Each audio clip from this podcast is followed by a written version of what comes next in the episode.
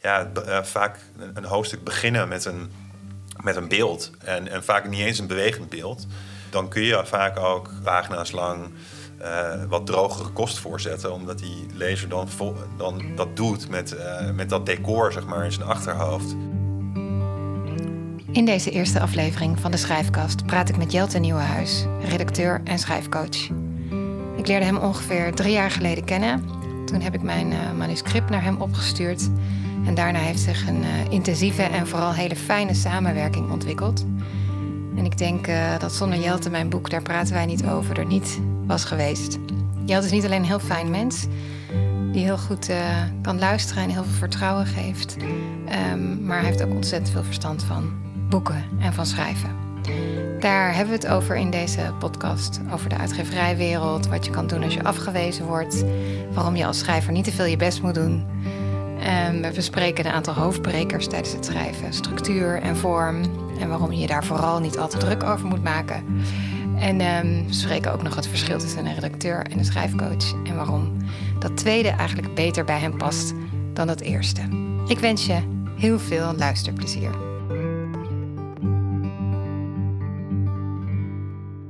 Welkom eh, in mijn podcast. Dankjewel. Schrijfkast, zoals hij heet. De schrijfkast. De schrijfkast. Ehm, wij gaan eh, kletsen over schrijven. Jij bent eh, redacteur van heel veel eh, mensen, waaronder van mij. Klopt. Ehm, en wij geven ook samen masterclasses. Klopt Daar ook. gaan wij het ook over hebben in deze podcast. En we gaan het over jou hebben. Over je werk en over schrijven. Ehm, heel even korte introductie van jou. Eh, corrigeer het als ik, het eh, als ik iets verkeerd zeg. Jij eh, studeerde literatuurwetenschappen en werkte bij Veen. LJ Veen bestaat denk ik niet meer. Niet meer als zelfstandige uitgeverij. Er, is nog wel een imprint, zoals dat heet, die LJV Klassiek heet. En waar klassiekers onder verschijnen. Dat hangt tegenwoordig onder de vlag van Atlas Contact. Maar eh LJV, eh, zoals eh, As We Knew It, bestaat. Bestaat niet meer. Nee. Is opgegaan dus in Atlas. En jij bent dus ook bij Atlas gaan werken als acquirerend redacteur Klopt. fictie. Ja, Daar heb je met namen gewerkt die veel mensen wel kennen. ja, Hanna Bervoets, Roos Slikker, die we allebei goed kennen. ja. Eh, noem nog eens. Ja, Wat, eh, eh, Marieke Lucas Rijneveld heb ik daar Natuurlijk, hoe kan ik die vergeten? naartoe gehaald. Eh, daar werk ik nog steeds mee. Ik heb met Twan Heijmans gewerkt, die op zee heeft geschreven en daar een prestigieuze prijs mee won. Wat, wat toen hartstikke cool en stoer was. Nog steeds eigenlijk. Wat nog meer Jente Postuma is net iets minder bekend, maar eh, heb ik heel fijn mee samengewerkt. Maar ook met eh, heel ander soorten schrijvers, ook sportschrijvers. Eh, dat was meer bij LJV. Bij Atlas Contact eh, deden we dat eigenlijk niet meer. Maar ik heb zelfs nog met Mart Smeets en met eh, Thijs Sonneveld gewerkt. En nou ja, heel veel verschillende dingen. Maar naarmate ik verder in het vak kwam, steeds meer literaire dingen en fictie dingen. Ja. Eh, En een acquirerend redacteur, voor wie dat niet weet, die gaat ook zelf actief op zoek naar schrijvers. En, en is ook, eh, nou ja, die moet je hebben als je, als je iets wil. Bij een uitgever, dan ga je contact leggen met de acquirerend redacteur. Klopt dat? Ja, klopt. De, de acquirerend redacteur is zeg maar eh, de scout van, eh, van een van de scouts van een uitgever. Er werken vaak meerdere acquirerend redacteuren bij een uitgeverij. En die gaat dan vervolgens ook met je aan de slag. Maar het begint bij, vaak bij het scouten. Want eh, ja, ehm, een uitgeverij moet het hele jaar door draaien en nieuwe boeken maken. En je kunt eh, niet achteroverleunen en, eh, en, als uitgeverij en ehm, alleen maar boeken maken met de mensen die al in je stal zitten. Er moet steeds eigenlijk nieuwe aanwas bij. Dus heb je mensen ja, zoals ik toen was. Ja. Want ik, nou, daar komen we zo op. Daar heb je acquirerend redacteuren voor nodig. En inderdaad, als je, als je schrijver bent en je, en je wilt wat... en je wil het niet via een agent spelen, wat kan... dan, eh, dan, moet je, dan is het handig om contact te hebben met een acquirerend redacteur. Ja. En, eh, en, en los van mensen die zichzelf aanmelden eh, toen en nog steeds bij jou, waar vind je die mensen? Uh, ja, goede vraag. Uh, van oudsher uh, is, is het zeg maar vijvertje waarin acquirerend redacteuren vissen... is heel erg gecentreerd rondom literaire tijdschriften.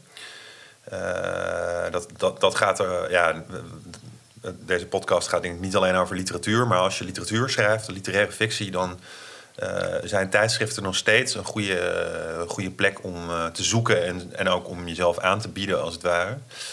Um, maar meer en meer is daar ook het internet bijgekomen als plek waar je jezelf dus kunt laten zien en waar redacteuren ook heel veel kijken.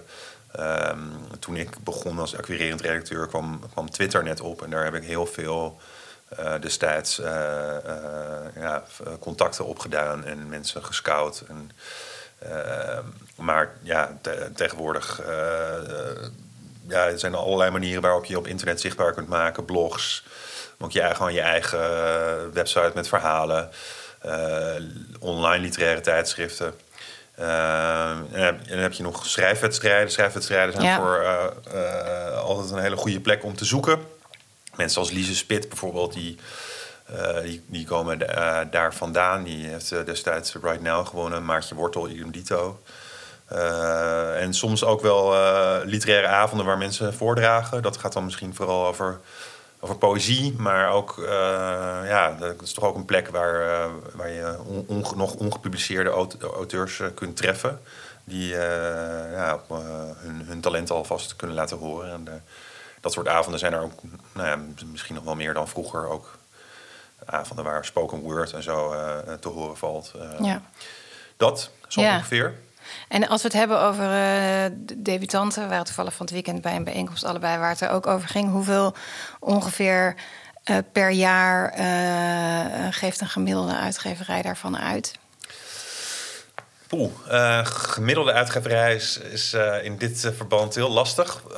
maar kan natuurlijk wel een slag in de lucht slaan. Ehm, ja, debutanten eh, zijn noodzakelijk, want ze, uh, je hebt nieuwe aanwas nodig. Want je bestseller-auteurs, een cash cows vanuit uitgeverij perspectief gezien, die gaan op een gegeven moment ja, die stoppen met schrijven, die gaan dood. ja, nou ja, Het is wel, ik bedoel, uh, Adriaan van Dis heeft niet het eeuwige leven. Ik, ik gun hem dat wel. Ja. Maar, ehm, dus er, uh, en, en ze schrijven niet ieder jaar een boek. Uh, dus er moet, er moet gewoon een nieuwe aanwas komen.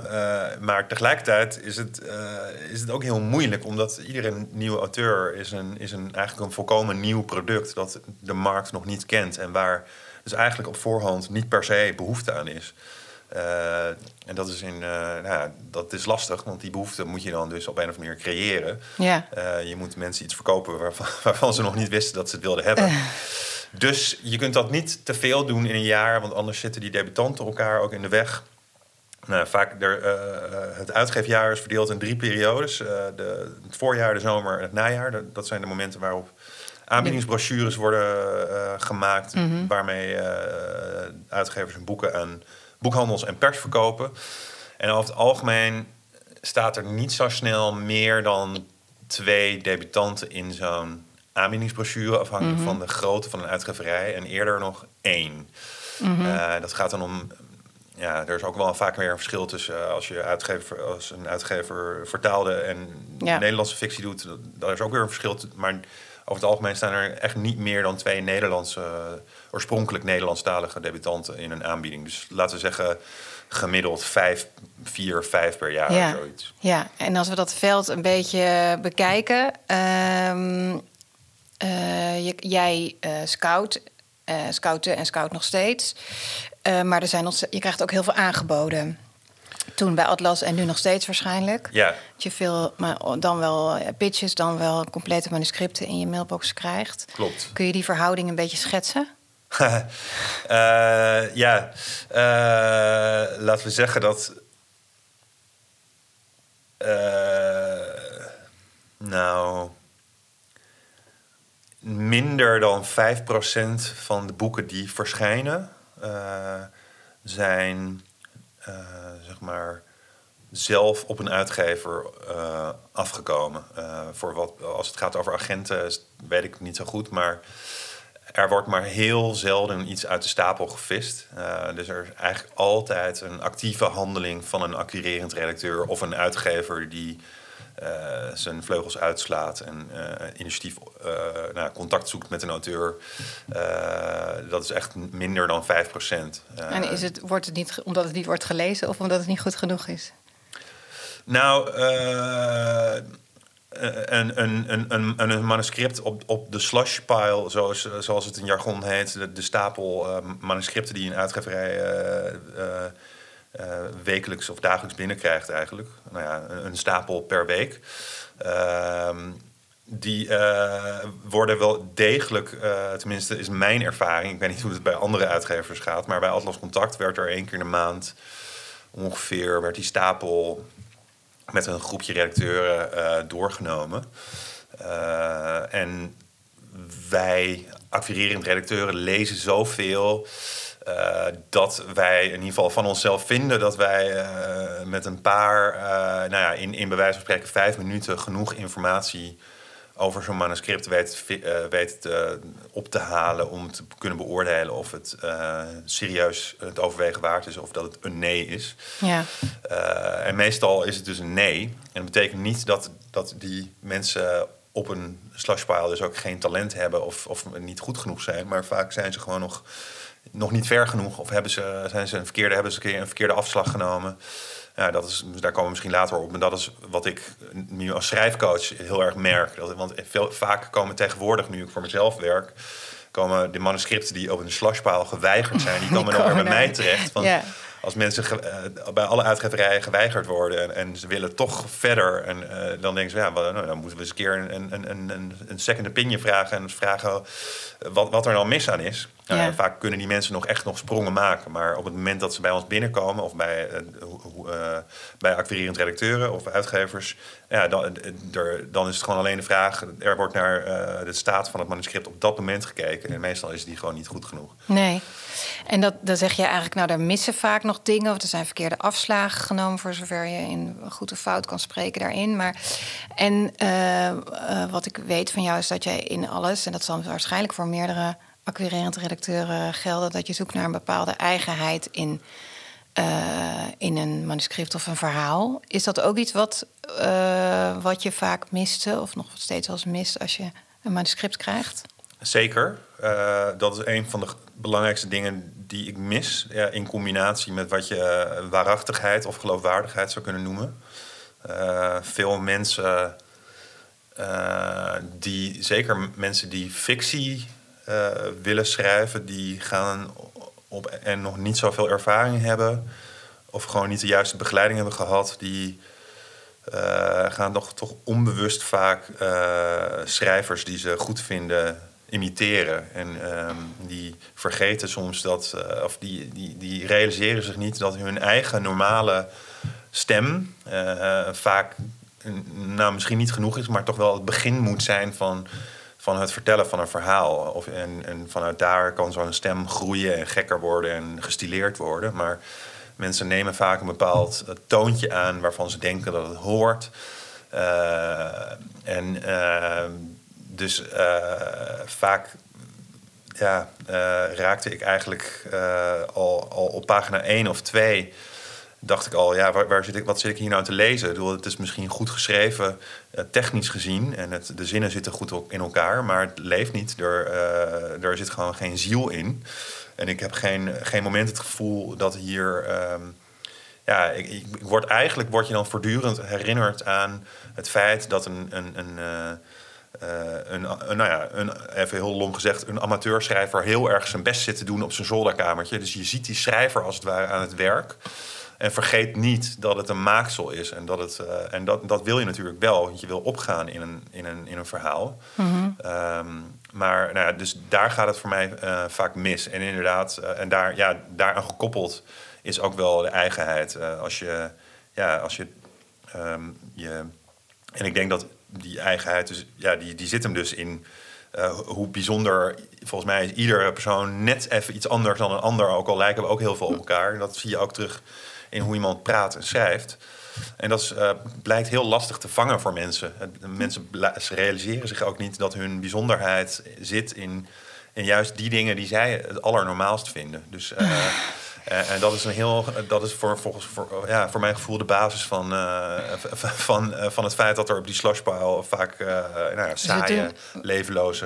we doen eigenlijk, ik, ik stel me dan zo'n beeld voor wat je net schetst van iemand op zo'n zolder, zolderkamertje die ontzettend zijn of haar best doet om iets goeds te schrijven. maar misschien wel te veel. Ja.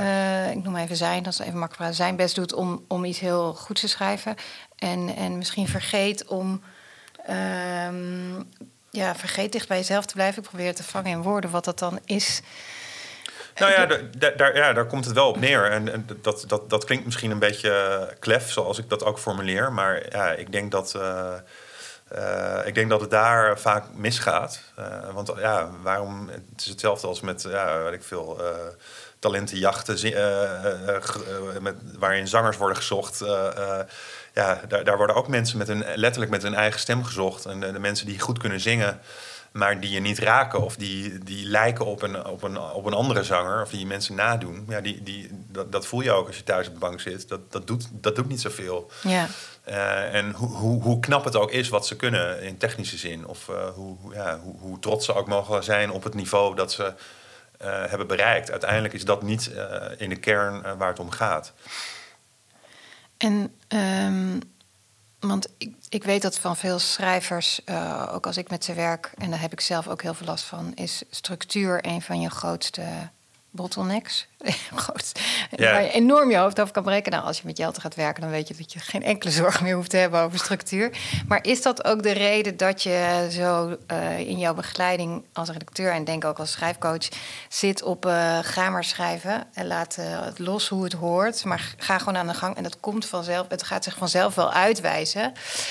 Um, is dat de reden dat je het zo aanpakt in plaats van uh, dat je... Ik denk dat er ook mensen zijn die je begeleiden... en eerst ja, die toch met een soort raamwerk uh, proberen je daarmee te helpen. Maar jij werkt echt andersom. Ja, over het algemeen wel. Is dat een manier om bij je eigenheid te komen? Gewoon maar, gewoon, voor zover het gewoon schrijven... Ja, uh, dat, dat is. Uh, ja, dat is je, je neemt me de, de woorden uit de mond. Uh, vaak uh, gaat het inderdaad mis als je, uh, als je vooraf heel nauwkeurig uittekent waar je naartoe wil. Uh, en dus een heel duidelijk. En sommige schrijfcursussen of schrijfcoaches raden je dat juist wel aan. tenminste, dat denk ik, omdat ja. ik dat soms terugkrijg van schrijvers. Ja, daar en daar heb ik dit en dit geleerd. En dan zeg ik, nou ja, ik denk er anders over. Um, ik denk dat uh, het, het, het, het, benadrukken van het schrijven als ambacht of als uh, iets wat je moet leren door hard te werken en door, door uitgebreid plannen te maken en dat allemaal heel goed in elkaar moet steken, dat dat inderdaad mensen vaak wegleidt van, van een soort spontaniteit. Uh, en in die spontaniteit zit juist vaak je eigenheid, hoe, hoe, hoe, moeilijk dat ook is te vangen. En dat zit hem heel vaak in, als, als mensen dus heel erg uh, strategisch en uh, top-down als het ware aan het schrijven zijn, dan worden zinnen heel stijf en bedacht. Dus die geloofwaardigheid uh, uh, verdwijnt daarmee eigenlijk al. Als, omdat je, ja, je hoort niet een echt iemand praten. Je hoort iemand praten die zinnen maakt. Mm -hmm. En dat is niet... Je ziet, er verschijnt geen ziel of geen... Je, je kunt je niet een, een, een, verteller voorstellen achter de woorden die je ziet. Je kunt je alleen maar iemand voorstellen die die, die zinnen heeft, heeft in elkaar heeft geknutseld. Um, en ja, eh, en sommige schrijvers kunnen dat op een of andere manier omzeilen als, je, als ze toch, uh, dat zijn vaak bijvoorbeeld scenaristen. Ik, ik, ik werk met een uh, scenarist uh, die ook een roman heeft geschreven. En die heeft, daar ben ik eigenlijk niet heel nauw bij betrokken geweest, want dat, dat heeft ze al helemaal in haar, ja, los van mij gedaan. Maar die heeft wel heel nadrukkelijk uitgetekend waar ze naartoe wilde. Uh, en op een of andere manier is haar dat gelukt zonder uh, uh, gekunsteld te gaan schrijven. En ook, ja, ook voor thrillerschrijvers geldt bijvoorbeeld ehm, soms hetzelfde. Dat, ja, dat is ook soms een kwestie van wel op voorhand een uitgebreid plan maken. Dus ja, daar moet je natuurlijk een plot. Is daar ja, dus het is niet, een, het is niet een ijzeren wet. Maar ja, het, het heeft ook wel misschien wel te maken met de schrijvers met wie ik vaak werk. Of omdat ze naar mij toe komen of omdat ik geïnteresseerd ben in, in, hun werk. Uh, dat kan ook. Maar over het algemeen geloof ik wel dat, uh, dat schrijven een soort, ja, een soort reis is die je maakt door een soort van onbekende, onbekend bos, als het ware. En, en uh, het leuke aan die reis is ook dat je niet precies weet wat je gaat tegenkomen. Terwijl je, als je alles van tevoren wil dichttimmeren, dan wordt het voor je als schrijver ook saai. En, en natuurlijk ja, terwijl zijn ik denk er dat, uh, ja, dat zijn waarschijnlijk ook... Dat is ook wat mensen het moeilijkst en het ingewikkeldst vinden waarschijnlijk. Dat, het, dat je dus de controle moet loslaten. Ja, uh, dat klopt. En, en daar uh, probeer ik mensen toe te verleiden door het klein te houden... en door te beginnen met kleine brokjes tekst. En, want dat is... nou, zo heb ik ook regelmatig de prachtigste romans zien ontstaan... Door, doordat je begint met kleine scènes... Uh, en van daaruit ja, een soort van verzameling aanlegt van scènes rondom een gebeurtenis, rondom een personage. Uh, scènes die, waarbij je eigenlijk ook kunt oefenen op, op, op de stem, waarbij je de wereld die je aan het construeren bent kunt leren kennen. en, en die wereld zie je dan ook steeds groter worden. En die, hoe, hoe meer je schrijft, hoe meer je dus ook weet over die wereld. Want je kennis doe je over je vaak fictieve verhaalwereld, maar ook over je non-fictieve verhaalwereld waarschijnlijk. Die doe je op eigenlijk door daarover te schrijven. Dus al die kennis neem je ook weer mee in de volgende stukken die je schrijft, waardoor het, als het goed is, steeds makkelijker gaat en steeds uh, vloeiender. Dus het, niveau van je schrijven wordt steeds beter. De, het komt steeds meer flow in. Is een woord dat ik altijd graag uh, gebruik. en hoe meer flow, hoe beter het vaak leesbaar is en hoe uh, hoe echter het ook vaak voelt. Want ja, we, zoals wij hier nu zitten praten, er zit ook in onze uh, stemmen, zit ook, in ons praten zit ook ritme als het goed is. Soms hakkelig, maar de, uh, soms vloeiender, maar altijd. Um, ja, het is nooit, het is nooit, je voelt nooit alsof het, het voelt nooit alsof het bedacht is. Nee. En dat, ja, dat wil je van personages en vertellers ook niet. En tegelijkertijd zijn natuurlijk heel veel gesprekken gaan natuurlijk ook niet echt per se ergens over in de zin van. uh, ik merk ook wel eens uh, dat er heel veel wordt geschreven. Dat er heel nou laat ik zo zeggen, dat er vooral heel veel geschrapt moet worden uh, in teksten. Dus omdat er natuurlijk toch ook heel veel ballast vaak op papier terechtkomt. Zeker. dus dus het, het onderscheiden van ja, wat in, ja, niet, interessant is niet het goede woord, maar zeg maar een gesprek op papier zetten, zoals wij dat hebben, is Klopt. nog. Uh, dat, dat, is, dat, dat, dat, is, dat werkt niet altijd. Uh, dus, uh, maar ik denk dat, ons, dat, dat je brein, als je schrijft, ook wel net iets anders werkt dan, dan als je praat. Dus het is ook, ja, het is wat dat betreft, het is niet één op één hetzelfde natuurlijk, schrijven en praten. Maar ik denk wel dat als je, dat het als je schrijft wel heel belangrijk is om, om de stroom van je gedachten te volgen. En je gedachten is ook weer, zijn toch ook vaak weer anders, uh, ongrijpbaarder soms, maar misschien ook vaak preciezer. Uh, of in ieder geval, als je schrijft kun je stilstaan natuurlijk. Ja. Ik bedoel, als wij praten, ja, ja dat gaat maar door. Gaat maar door, ja. En, en, en, ik kan, als ik, als ik zit te schrijven, kun je kun je, nou ja, uh, kun je me niet een minuut je afvragen van... oké, okay, maar hoe, hoe moet ik het nou precies zeggen? En dan kun je het al in, in je in je, in je hoofd kun je het al een beetje voorbereiden. Ja. Uh, en dat moet je ook weer niet te veel doen, want dan wordt het ook weer stijf. Ja. Maar uh, dus in ieder geval heeft het meer mogelijkheden eigenlijk dan praten. En je kunt er preciezer mee zijn. Nou ja, uh, dus, dus, het, dus ja, soms um, leidt, leiden mijn adviezen om maar gewoon te gaan en in het diepe te springen ook inderdaad tot, tot ongebreideld proza, laat ik het zo ja, zeggen. Waar daarna dan weer heel veel. Waar daarna maar jij zegt altijd niks is voor niks. Dat vind ik ook een heel moeilijk gegeven. zo zijn natuurlijk meer mensen dat het natuurlijk. Ja, wij leven wel in een soort van maatschappij tijd waarin alles wat je doet toch enig sinds van nut moet zijn. En ehm, schrijven, eh, ja, ik heb dan een journalistieke achtergrond, ben je helemaal gewend dat je gewoon deadlines hebt en stukken inlegt en dan het volgende stuk gaat maken. En dat, dat gaat in een bepaald ritme. Maar als je een boek gaat schrijven, dan ga je ook veel proberen. En dan belandt ook um, nou ja, een stuk, stukken in de prullenbak. Ja. Maar jij zegt altijd dat is nooit voor niks geweest, die stukken. Ja, nou ja dat, dat, dat, heeft allemaal zijn functie. Ja, dat, dat is wel een beetje, ook een beetje soft en zo. Maar, uh, en, en, en, uh, en ook misschien een beetje een soort van zweverig. Maar uh, ik geloof daar wel echt in, omdat uiteindelijk ja, die jungle waar ik net over had, of dat pad door het bos wat je moet aflopen, wat je eigenlijk wat je moet uithakken, want vaak is het pad er nog helemaal niet. Ja, als je ik denk dat je uh, in sommige schrijfprocessen moet je dat pad wel, mm, nou, misschien wel drie, vier, vijf keer aflopen. En dat doe, je, dat doe je zowel in je hoofd als op papier. Dus alle zeg maar, mentale arbeid die je verricht binnen een bepaalde verhaalwereld, of die nou uit fictie of non-fictie bestaat, die, die zorgt ervoor dat je bepaalde informatie die je in je hoofd hebt uh, fijn slijt en meer in de vingers krijgt. En, en, ook als je dus te veel doet of te veel schrijft, ja, je hebt dan wel al die informatie door je vingers laten gaan. En, en weet dan ook van oké, maar ja, dit heb ik niet nodig in het uiteindelijke product en dit wel.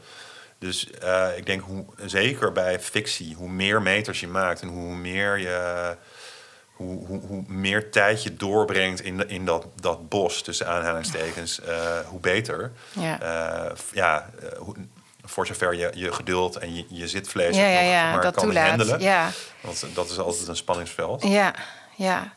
En ik ben een non-fictieschrijver en ik werk ook veel met non-fictieschrijvers, maar zowel voor mezelf als de mensen waar ik mee werk en ook de mensen eigenlijk waar, die wij in onze masterclass krijgen, die geven we toch wel mee om ook non-fictie wat verhalender uh, op te schrijven. Klopt. Um, omdat verhalen nou eenmaal voor de meeste mensen leuker lezen dan droge informatie. Ja. Uh, dat ben je denk ik met me eens. Zeker, zeker. Kan je iets zeggen over... Uh, ja, zijn er soort wetten voor verhalen? We behandelen wel een stukje in de masterclass... dingen als dialogen, show don't tell. Um, maar stel dat je een non-fictieboek maakt... en je wil dat toch niet als droge informatie opschrijven. Wat, wat, wat kun je dan doen? Wat, wat zou je dan mensen ja, Ja, uh, ja, het belangrijkste is eigenlijk uh, dat je... Um, uh, ja, het hangt een beetje van... Ik, ik vind sommige, bijvoorbeeld filosofische boeken vind ik... Nou, dat lees ik eigenlijk zelden, maar he, hele abstracte boeken kan ik ook, kan ik ook van genieten. maar over het algemeen wil je inderdaad toch wel wat concreetheid in je boek. En in de praktijk is dat eigenlijk gewoon dat je dingen. Ehm, ja, want heel, ehm, dat je dingen voor je ziet. Ja. Dus dat, dat er beelden, beelden, in zitten. Ja. En je wil gewoon af en toe een filmpje in je hoofd kunnen afspelen. Uh, dus um, ja, toevallig uh, ben ik eh, eerder vandaag nog met een project bezig geweest waar, waar dat, waar dat heel, een heel mooi proces was. dat was juist een non-fictie-auteur die, die een beetje had overdreven in het in het uh, zeg maar verhalend maken van zijn mhm. boek. Mhm. Eh, en we hebben dus toen gezocht naar het wat terugdringen van die narratieven, van die verhalende aspecten. En ik vind dat dat heel mooi is gelukt. Er, het is een heel beschouwend boek, een, een, een, een geschiedenisverhaal over, over een, burgemeester in oorlogstijd. Uh, ik kan er niet te veel over uitweiden, maar wat deze auteur heel mooi heeft gedaan, is eigenlijk ja, vaak een, hoofdstuk beginnen met een, met een beeld. En, en vaak niet eens een bewegend beeld.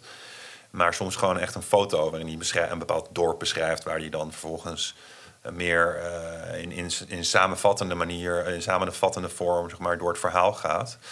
Maar als je ook maar gewoon, al, al blijf je heel eventjes, al blijf je, laat je een lezer vijf seconden even een filmpje afspelen, dan kun je vaak ook een, nou ja, weet ik veel, tien pagina's lang wat drogere kost voorzetten. Omdat die lezer dan, dan dat doet met, met dat decor, zeg maar, in zijn achterhoofd. Dus die, dan zit je als het ware in dat, ehm, in, dat, in dat dorp. en, en ja, kun je de, de meer abstracte informatie daaraan koppelen. En ja, zo zijn er heel veel gradaties. Ik bedoel, vaak is het beter, inderdaad, vaak is het beter om meer beelden te gebruiken en om ook daadwerkelijk die beelden wel te laten bewegen. Nou ja, dan krijg je scènes. Mhm. Ehm, maar niet, niet elk, elk boek uh, is daarvoor geschikt. Ehm, ja, uh, scènes, beelden, daar gaat het eigenlijk om. Ja. je moet dingen een beetje voor je kunnen voor zien. Voor je kunnen zien, ja. Kan iedereen een boek schrijven? ja, nou ja, ja, jeetje, in principe wel. het hangt er vanaf. kijk, ja, ik, ik zeg serieus altijd, iedereen die, die heeft leren schrijven op de lagere school kan ook een boek schrijven. Want je kunt gewoon, uh, in dat geval kun je uh, 50.000 woorden achter elkaar zetten. Uh, of het succesvol is, is een tweede. Mm -hmm. Maar ik denk wel dat ehm, iedereen met een, met een laten we zeggen, een ja, iedereen die zijn middelbare school of die zijn lagere school heeft afgemaakt, uh, liefst ook zijn middelbare, nou laten we zeggen, iedereen die zijn middelbare school heeft afgemaakt. Nee, ik geloof ook, ik, heb, ik krijg ook wel eens vrij ongeletterde mensen, zeg maar, uh, bij me over de vloer, die, die, die toch heel, uh, die toch met de weinige middelen die ze hebben, heel veel kunnen bereiken. Dus ik, ik, ik, denk, ik denk eigenlijk dat als je je ook maar enigszins in taal kunt uitdrukken. Ehm, en je wordt daarbij goed begeleid en je hebt een, iets wat je graag wil vertellen, dan, dan kan er echt heel veel. Uh, en daar heb, je, nou ja, daar heb je de goede begeleiding mee nodig. En heel veel, de meeste mensen trappen, uh, vallen in de valkuil waar we ja, eigenlijk mee begonnen. Maar als je mensen, als het lukt om mensen in hun kracht te zetten tussen mm -hmm. aanhalingstekens, want dat vind ik eigenlijk een beetje een vies woord, maar het is wel, uh, het, het, het, ja, het, het is toch treffend als je mensen in hun kracht weet te zetten en en in hun eigen stem een verhaal laten vertellen, dan, uh, dan, dan kan er heel veel. En of, of dat dan vervolgens voldoende is om een grote groep mensen te bereiken, ja, dat is een tweede. Dat Mhm. hangt ook weer, weer van de markt af en van, uh, van modus. En, en, ja, en toch ook inderdaad van, ja, ik bedoel, je kunt een goed boek schrijven, maar dat kan nog steeds niet genoeg zijn, omdat er bijvoorbeeld in een bepaalde categorie waar je dan in schrijft, gewoon ook honderd boeken zijn die net iets Ja. beter zijn. Bedoel, dat, Ja. eh, het is ook een, eh, een soort wedstrijd. Ja.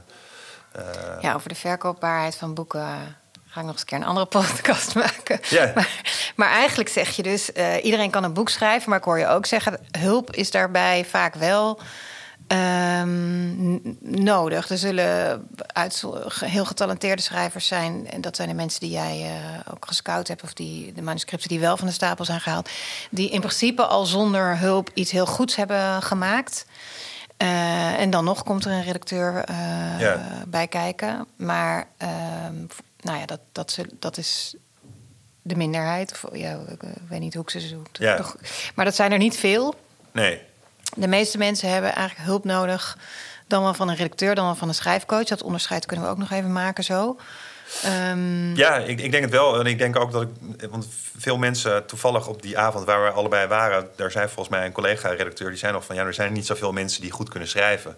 En ik snap natuurlijk wel wat ze daarmee bedoelt. Maar Mhm. ik, ik denk dat er... eh, ja, ik denk dat... Ik denk dat er veel meer mensen goed zouden kunnen schrijven... eh, eh, als, ze de juiste, als je de juiste knopjes bij ze indrukt. En- Ja. En, en, en, dat- ja, ik, dat, dat is wat mijn schrijfcoachpraktijk eh mij heeft geleerd. Ik, mensen maken echt sprongen die ik eh, echt niet voor mogelijk had verhouden, gehouden. En komen, nou ja, komen daarmee eh, niet altijd op publicatie. Dus er, is Mhm. wel, er is dan wellicht een plafond. En Mhm. er is ook een plafond aan, zeker als het om fictie gaat. Want fictie Mhm. is echt weer nog weer een heel stuk moeilijker Ja. dan non-fictie. ja, om uitgegeven te worden. Ja. Ja. maar ook om, goed, om echt goed te worden. Want ehm, ja, dat, dat voert denk ik te ver voor, de, voor dit gesprek. Maar eh, eh, ja, eh, bij, als, heel kort gezegd, uh, non-fictie kun je gewoon in, in principe beschrijven wat er is gebeurd. Dat is al Mhm. moeilijk genoeg. Terwijl Mhm. als je fictie schrijft, moet je helemaal je eigen verhaalwereld nog, nog bouwen als het ware. Ja. En met, je begint bijna met niks. Dus je moet, dus je moet eerst die wereld gaan bouwen. Dus dat, daar is heel veel eh, Je moet echt tijd vanaf nul beginnen dan. ja, en het is heel lastig om dat echt geloofwaardig te Ja. maken. Zodanig dat Ja. mensen vergeten dat het, eh, eh, dat het verzonnen is. Mhm. Ehm, Vraag, ik vraag me af zelf altijd af hoeveel fictie echt helemaal verzonnen is. Maar dat, nou ja, vaak, is er, vaak zit er... Nou, de schrijver zit, als het goed is, altijd verstopt in zijn werk. Maar ja, heel veel romans zijn inderdaad sterk gebaseerd op op autobiografie, uh, autobiografische elementen uit het leven van een schrijver. Maar, maar ook niet. Ik bedoel, ja, nou ja weet ik veel. Noem Harry Potter. Maar, ja, uh, ja, dan, ja, inderdaad. maar eigenlijk zeg je dus, uh, kijk, wat er bij een uitgeverij binnenkomt, daar is uh, niet de, vaak de ruimte om dat dusdanig te begeleiden dat het een, een, ander, een hoger niveau kan bereiken. Of een, behalve als misschien al duidelijk is dat het er echt in zit. Klopt. Ja. maar in jouw praktijk merk je dat mensen met relatief nou ja, jij zegt eigenlijk, je druk, duwt op een paar knopjes. Wil ik nog even weten welke dat dan... dat is natuurlijk weer maatwerk voor iedereen anders. Ja. Of is er in algemene zin iets over te zeggen? Het gaat waarschijnlijk over terug naar jezelf gaan. Of, de, of vanuit jezelf, die stem in jezelf gaan zoeken. Ja. Ehm, en daar heeft iedereen wat anders voor nodig om dat te gaan doen. Ja, maar in eerste instantie wel ook dat bewustzijn dat, dat, dat jouw eigen stem voldoende is. En dat, dat wat jij als heel normaal en alledaags en saai uh, uh, bestempelt, uh, dat toehoorders dat juist dat het bijzonderste aan jou vinden. ja, iedereen heeft gewoon een, een, in zijn gedachtenwereld, in zijn schrijfwereld, in zijn praten, gewoon iets wat, wat hem net even, waardoor je iemand eruit kunt pikken, hoe klein dat verschil ook is. Dus, uh, dus ja. Uh, dus dat zet je aan en als dat eenmaal zeg maar is gaan lopen, dan zie je eigenlijk dat heel veel mensen in staat zijn om iets goeds te maken. Ja, om in ieder geval een boek te schrijven dat, dat, dat iets met een ander doet. En of dat genoeg is, dat, dat weet je niet. Want dat hangt inderdaad van het aanbod af en van de, nou ja, de, ja, hoe, waar ja, mensen hebben. Je hebt toch ergens een plafond in wat je, waar je goed in bent. Of het, het, het verhaal moet net iets bijzonder zijn dan een ander. Maar uh, boeken die voor mij eerst, uh, of teksten die voor mij eerst dood waren, even heel lomp gezegd, die, die zie ik heel vaak alsnog in een, in een nieuwe versie tot leven komen. Doordat uh, mensen net even andere wegen inslaan. Ehm, dus ja, dat, dat, dat vind ik altijd heel mooi om te zien. En ja, want is dat wat je werk ook nu als schrijfcoach en redacteur, want je doet nog steeds allebei. Dus je, dat is inderdaad als redacteur, dat onderscheid als schrijfcoach uh, doen mensen een beroep op jou en betalen jou om uh, hen verder te helpen met hun schrijfproject. En als redacteur werk je met een schrijver die dat al deels zelf kan, of in ieder geval die een uitgever heeft vaak. Ja, dat, dat is grofweg wel het verschil. Uh, ik, ik werk bijvoorbeeld inderdaad eh, ja, ik, ik werk als redacteur voor Marieke Lucas Rijneveld voor eh, eh, zijn proza. poëzie wordt weer door iemand anders gedaan. En dat is voor een heel groot deel zijn dat vergelijkbare processen als die ik als schrijfcoach bewandel. Maar ja, de constructie is net iets anders. En inderdaad, ja, Marieke Lucas is natuurlijk ja, op allerlei gebieden veel verder. Uh, maar tegelijkertijd gaat dat ook vaak om uh, vertrouwen geven of bijsturen of uh, um, aanvoelen dat, dat, dat de verteltoon nog niet helemaal, nog niet helemaal klopt. Um, dus, maar grosso modo zit daar het verschil. En een redacteur, daar, daar zit natuurlijk een van de dingen die een redacteur per ja, die, die, waarmee een redacteur zich onderscheidt, is met redactie. en ook dat is een breed begrip, maar daarmee wordt vaak verstaan dat je echt met zeg maar, het spreekwoordelijke rode potlood door een tekst gaat. En dat, uh, dat doe ik bij Marieke Lucas ook en bij anderen ook. Bij Spinter Chabot bijvoorbeeld. Of bij mensen ook die ik als agent uh, vertegenwoordig. Dan komen we wellicht ook nog op. Maar uh, dat, dat is eigenlijk iets wat ik als schrijfcoach bijna niet doe. want het begint je niet met rode pen? Nee, het begint... ik denk dat je eh, eh, dat het niet eh, onzinnig is om al in een vroeg stadium, want dat zit hem eigenlijk in het stadium. In, in het begin ben je nog vooral aan het coachen vanaf de zijlijn, als het ware. En ik, ja, ik zeg dan altijd, dan hou ik mijn handen op mijn rug. Dan grijp ik niet heel nadrukkelijk in in de tekst, omdat eigenlijk de processen spelen zich vooral af nog in het hoofd van de, van de auteur. Dus het heeft niet zo heel veel zin om dan in de tekst al te gaan lopen muteren.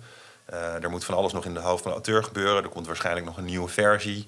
Uh, misschien helemaal overnieuw geschreven. Dus waarom zou je dan een tekst gaan lopen rotzooien?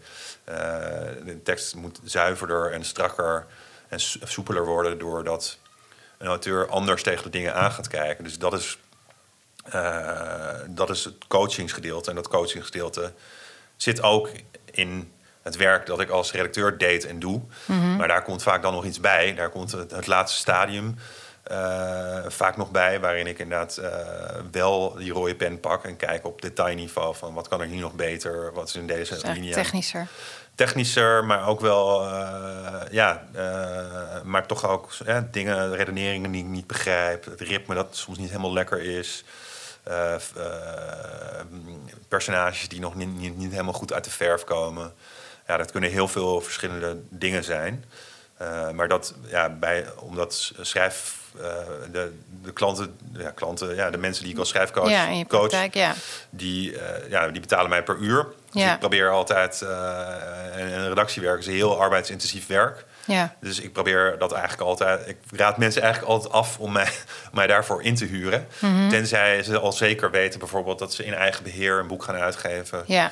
Uh, dus dat redactiewerk kun je ook. Uh, uh, dan, dan, bedoel je echt het gedetailleerde werk. Ja, ja, ja, dus, dat, want... ja dus dat is niet het grove inhoudelijke. Klopt. Ik wil eigenlijk, en ik probeer mensen eigenlijk te leren om zichzelf ook te redigeren. Ja. En dat, dat is eigenlijk weer dat verhaal van begin eerst maar gewoon een, een spring erin. En dan krijg je een soort. Uh, mijn, ja, een van mijn mantra's is uh, write drunk, edit sober. van Hemingway, of, of, toegeschreven aan Hemingway. begin eerst maar gewoon bam. En, en dan in een tweede schrijfronde ga je strategischer. En verzorgder en beheerster met die tekst om. Ja. En dan weer een ronde ga je weer jezelf strak trekken en, en kijken wat kan hier nog vind, Ik vind het heel leuk, dat uh, tweede deel. Maar heel veel mensen vinden het verschrikkelijk, hè? Dat editen. Dat, dat... Ja, nee, ja, dat... Ja, dat niet, uh, nou, ik, ja, misschien zeggen ze dat dan niet tegen mij, maar... Um, ik, ik, want, maar, en ik vind ook dat ik, dat ik mijn werk niet helemaal goed doe als mensen dat niet leuk vinden. Hm. Omdat uh, ik denk namelijk dat het al dat, dat het ja, ja, je kunt, ja, hoe zeg je dat nou?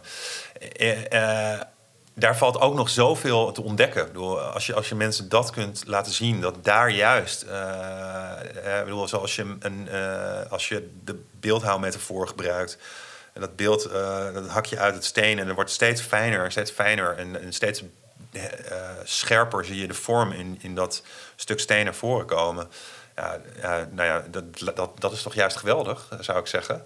Ja. En, en nou, dat, dat ik misschien. Maar het vraagt natuurlijk wel veel, veel geduld. Ja. En het vraagt misschien minder vanuit je, ja, ik noem het soms platgeslagen hart en hoofd of gas en rem. Het vraagt wel iets meer denkwerk dan, uh, dan vanuit je dan Klopt. gewoon gaan. Nou ja, en soms komt het ook wel voor dat mensen uh, tegen mij zeggen: Ja, daar heb ik geen zin in hoor, om dat te doen. En, doe, uh, en, en soms, ik, soms doe ik een soort van, een soort van twintig pagina's, doe ik als het ware voor aan mensen. Ook om, om hen geld te besparen en mij tijd, als het ware. Uh, en laat ik zien van, kijk, zo, zo, zo kun je nog, uh, is er nog van alles te winnen. Ja. Uh, door naar te schrappen, door, ja, weet ik veel, net, dingen net even anders te doen. en, en, en meestal vinden ze dat fijn en gaan ze dan vervolgens zelf aan de, slag. Want dan hebben ze tools en dan snappen ze, oké, dan, dan zwem ik niet zo. Ja. Maar soms hebben ze dus ook geen zin en zeggen ze, nou ja, en, dan, en, en, en geld veel, kennelijk. En dan, ja. dan, zeggen nee, doe jij het maar. Doe jij het maar. Uh, dus dat ga ik binnenkort, heb ik, heb ik zo'n uh, zo'n uh, redactieklusje. Dat vind ik dan ook wel leuk. Ja. Dan, dat vind ik ook wel, wel Ja, het is wel spelen, ja. Heerlijk in is. hey, maar je hebt dus eigenlijk zowel schrijfcoach als redacteur... Dus heb je natuurlijk toch een rol, zeg maar, in de coulissen. Terwijl je eh, in beide gevallen heel belangrijk bent bij de totstandkoming van, uh, ja. van een boek. Is dat nooit frustrerend? Um, nee. Uh, misschien uh, vond ik dat in het verleden wel. Was ik nog net iets meer op zoek naar erkenning, denk ik. Misschien is dat iets wat ouderdom doet. En, ehm, nee, ik vind, ik vind de één op één erkenning van die ik zeg maar uh, ja, privé krijg van auteurs, die is me al heel veel waard. soms delen ze dat ook publiekelijk. Publiekelijk, dat is ook heel fijn. soms in, in, een dankwoord in een boek of op een boekpresentatie. Uh, en heel vaak ook um, door uh, mij aan te raden aan andere auteurs. En dat uh, ja, uiteindelijk, ja, dat is het mij misschien wel wat meeste waard. Niet, ja, niet eens omdat het mij ervoor zorgt dat ik genoeg verdien om te kunnen leven. Maar ja, ik, ik, ik, ik laat het raden. heeft iemand mij aangeraden aan, aan die zei van ja Jat is de enige in Nederland met, wie je een boek, een boek kunt maken. nou, dat is wel heel erg over de top en te veel eer.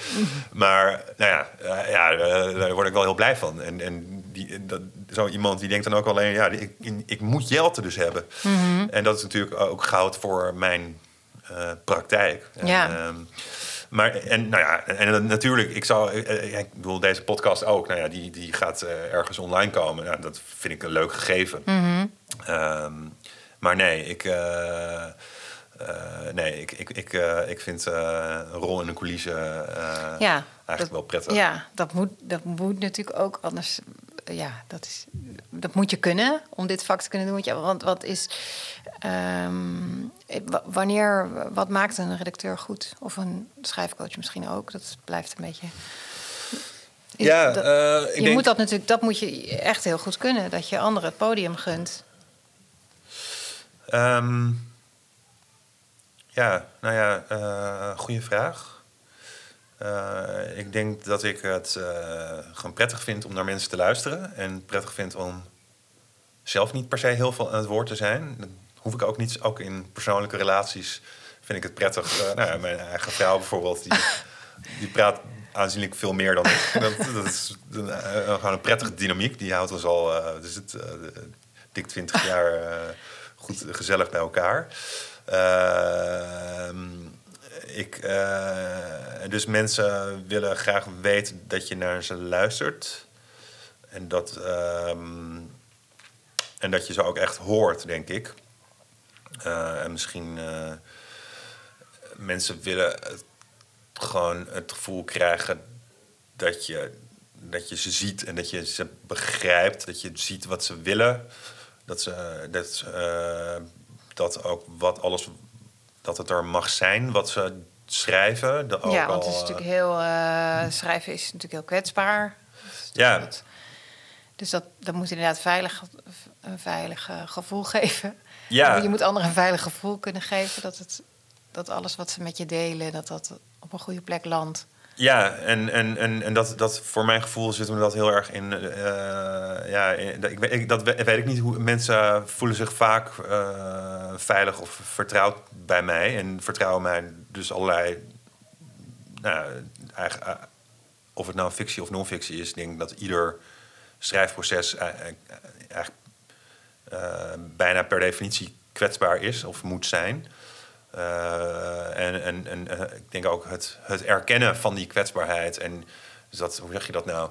Um, daar begint het mee. En da, daar, daar is denk ik een soort van. Uh, dat, dat realiseert misschien nog niet iedereen die begint als redacteur. Dat deed ik eigenlijk ook niet toen ik begon als redacteur. Nee. Echt de kwetsbaarheid daarvan zien. En daarmee, als je hem ziet en je ervan bewust van bent, kun je er dus ook op, op inspelen. Uh, en kun je die, die, die veilige ruimte ook goed bewaken of zo. Mm-hmm. Maar het zit hem ook gewoon simpelweg, denk ik, in, uh, ja, in, een, in een ruime geest of zo. En, en, en ja. uh, het, het, het, niet dingen niet snel gek vinden. Mm-hmm. Dat helpt ook bij literaire fictie, want daar zoek je vaak toch naar dingen die juist gek zijn. En Mm-hmm. mensen die experimenteren. Um, ja, um, dat soort dingen en veel geduld, ja, dus. Ja, dus het is, zit hem ook heel erg op het, zeg maar, het persoonlijke, menselijke vlak.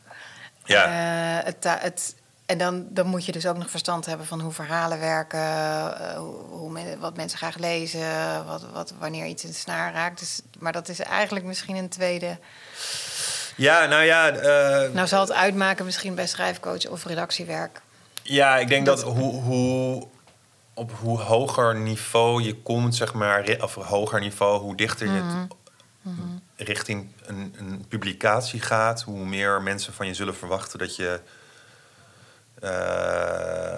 kennis hebt van, van verhalen en hoe die zijn opgebouwd en wat voor soort verhalen er zijn.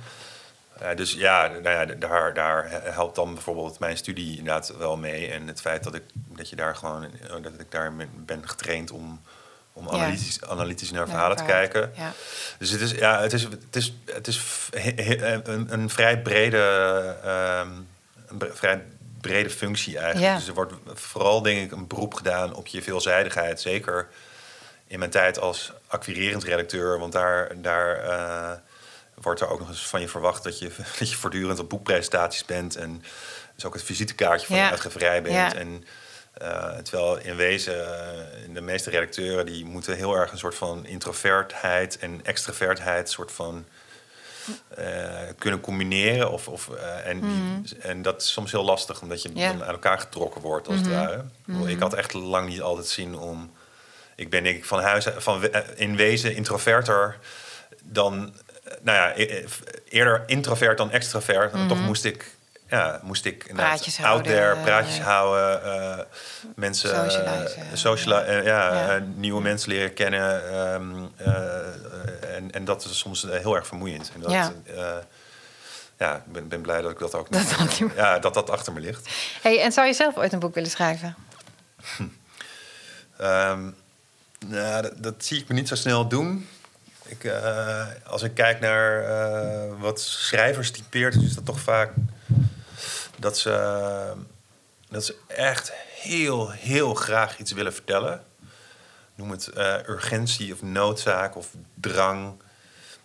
Nou, dat heb ik eigenlijk niet zo. Uh, hooguit. En, uh, ik zou me kunnen voorstellen dat ik op een gegeven moment ergens, als ik denk van, hmm, ik weet niet of ik nog per se heel erg lang heb om uh, ergens, weet ik veel, uh, richting het einde van mijn leven, dat ik denk van, ja, ik, misschien dat ik de dingen die ik weet over schrijven en over uh, omgaan met schrijvers, als ik dan nog denk dat ik de, de, de, de vrijmoedige, vrijpostige illusie heb dat, dat mijn kennis wat toevoegt of bijzonder is, dan, dan, dan zal ik die misschien willen delen. Omdat ik, nou ja, eigenlijk vooral omdat, omdat ik vind dat ik heb het gevoel dat heel veel mensen de valkuilen die, waar, waar we steeds op terugkomen van uh, het, het, het, het, het uh, te veel volgens een plan werken, het,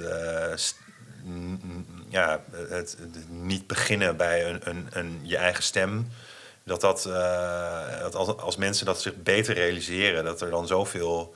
Ja, misschien is dat dan toch onnodig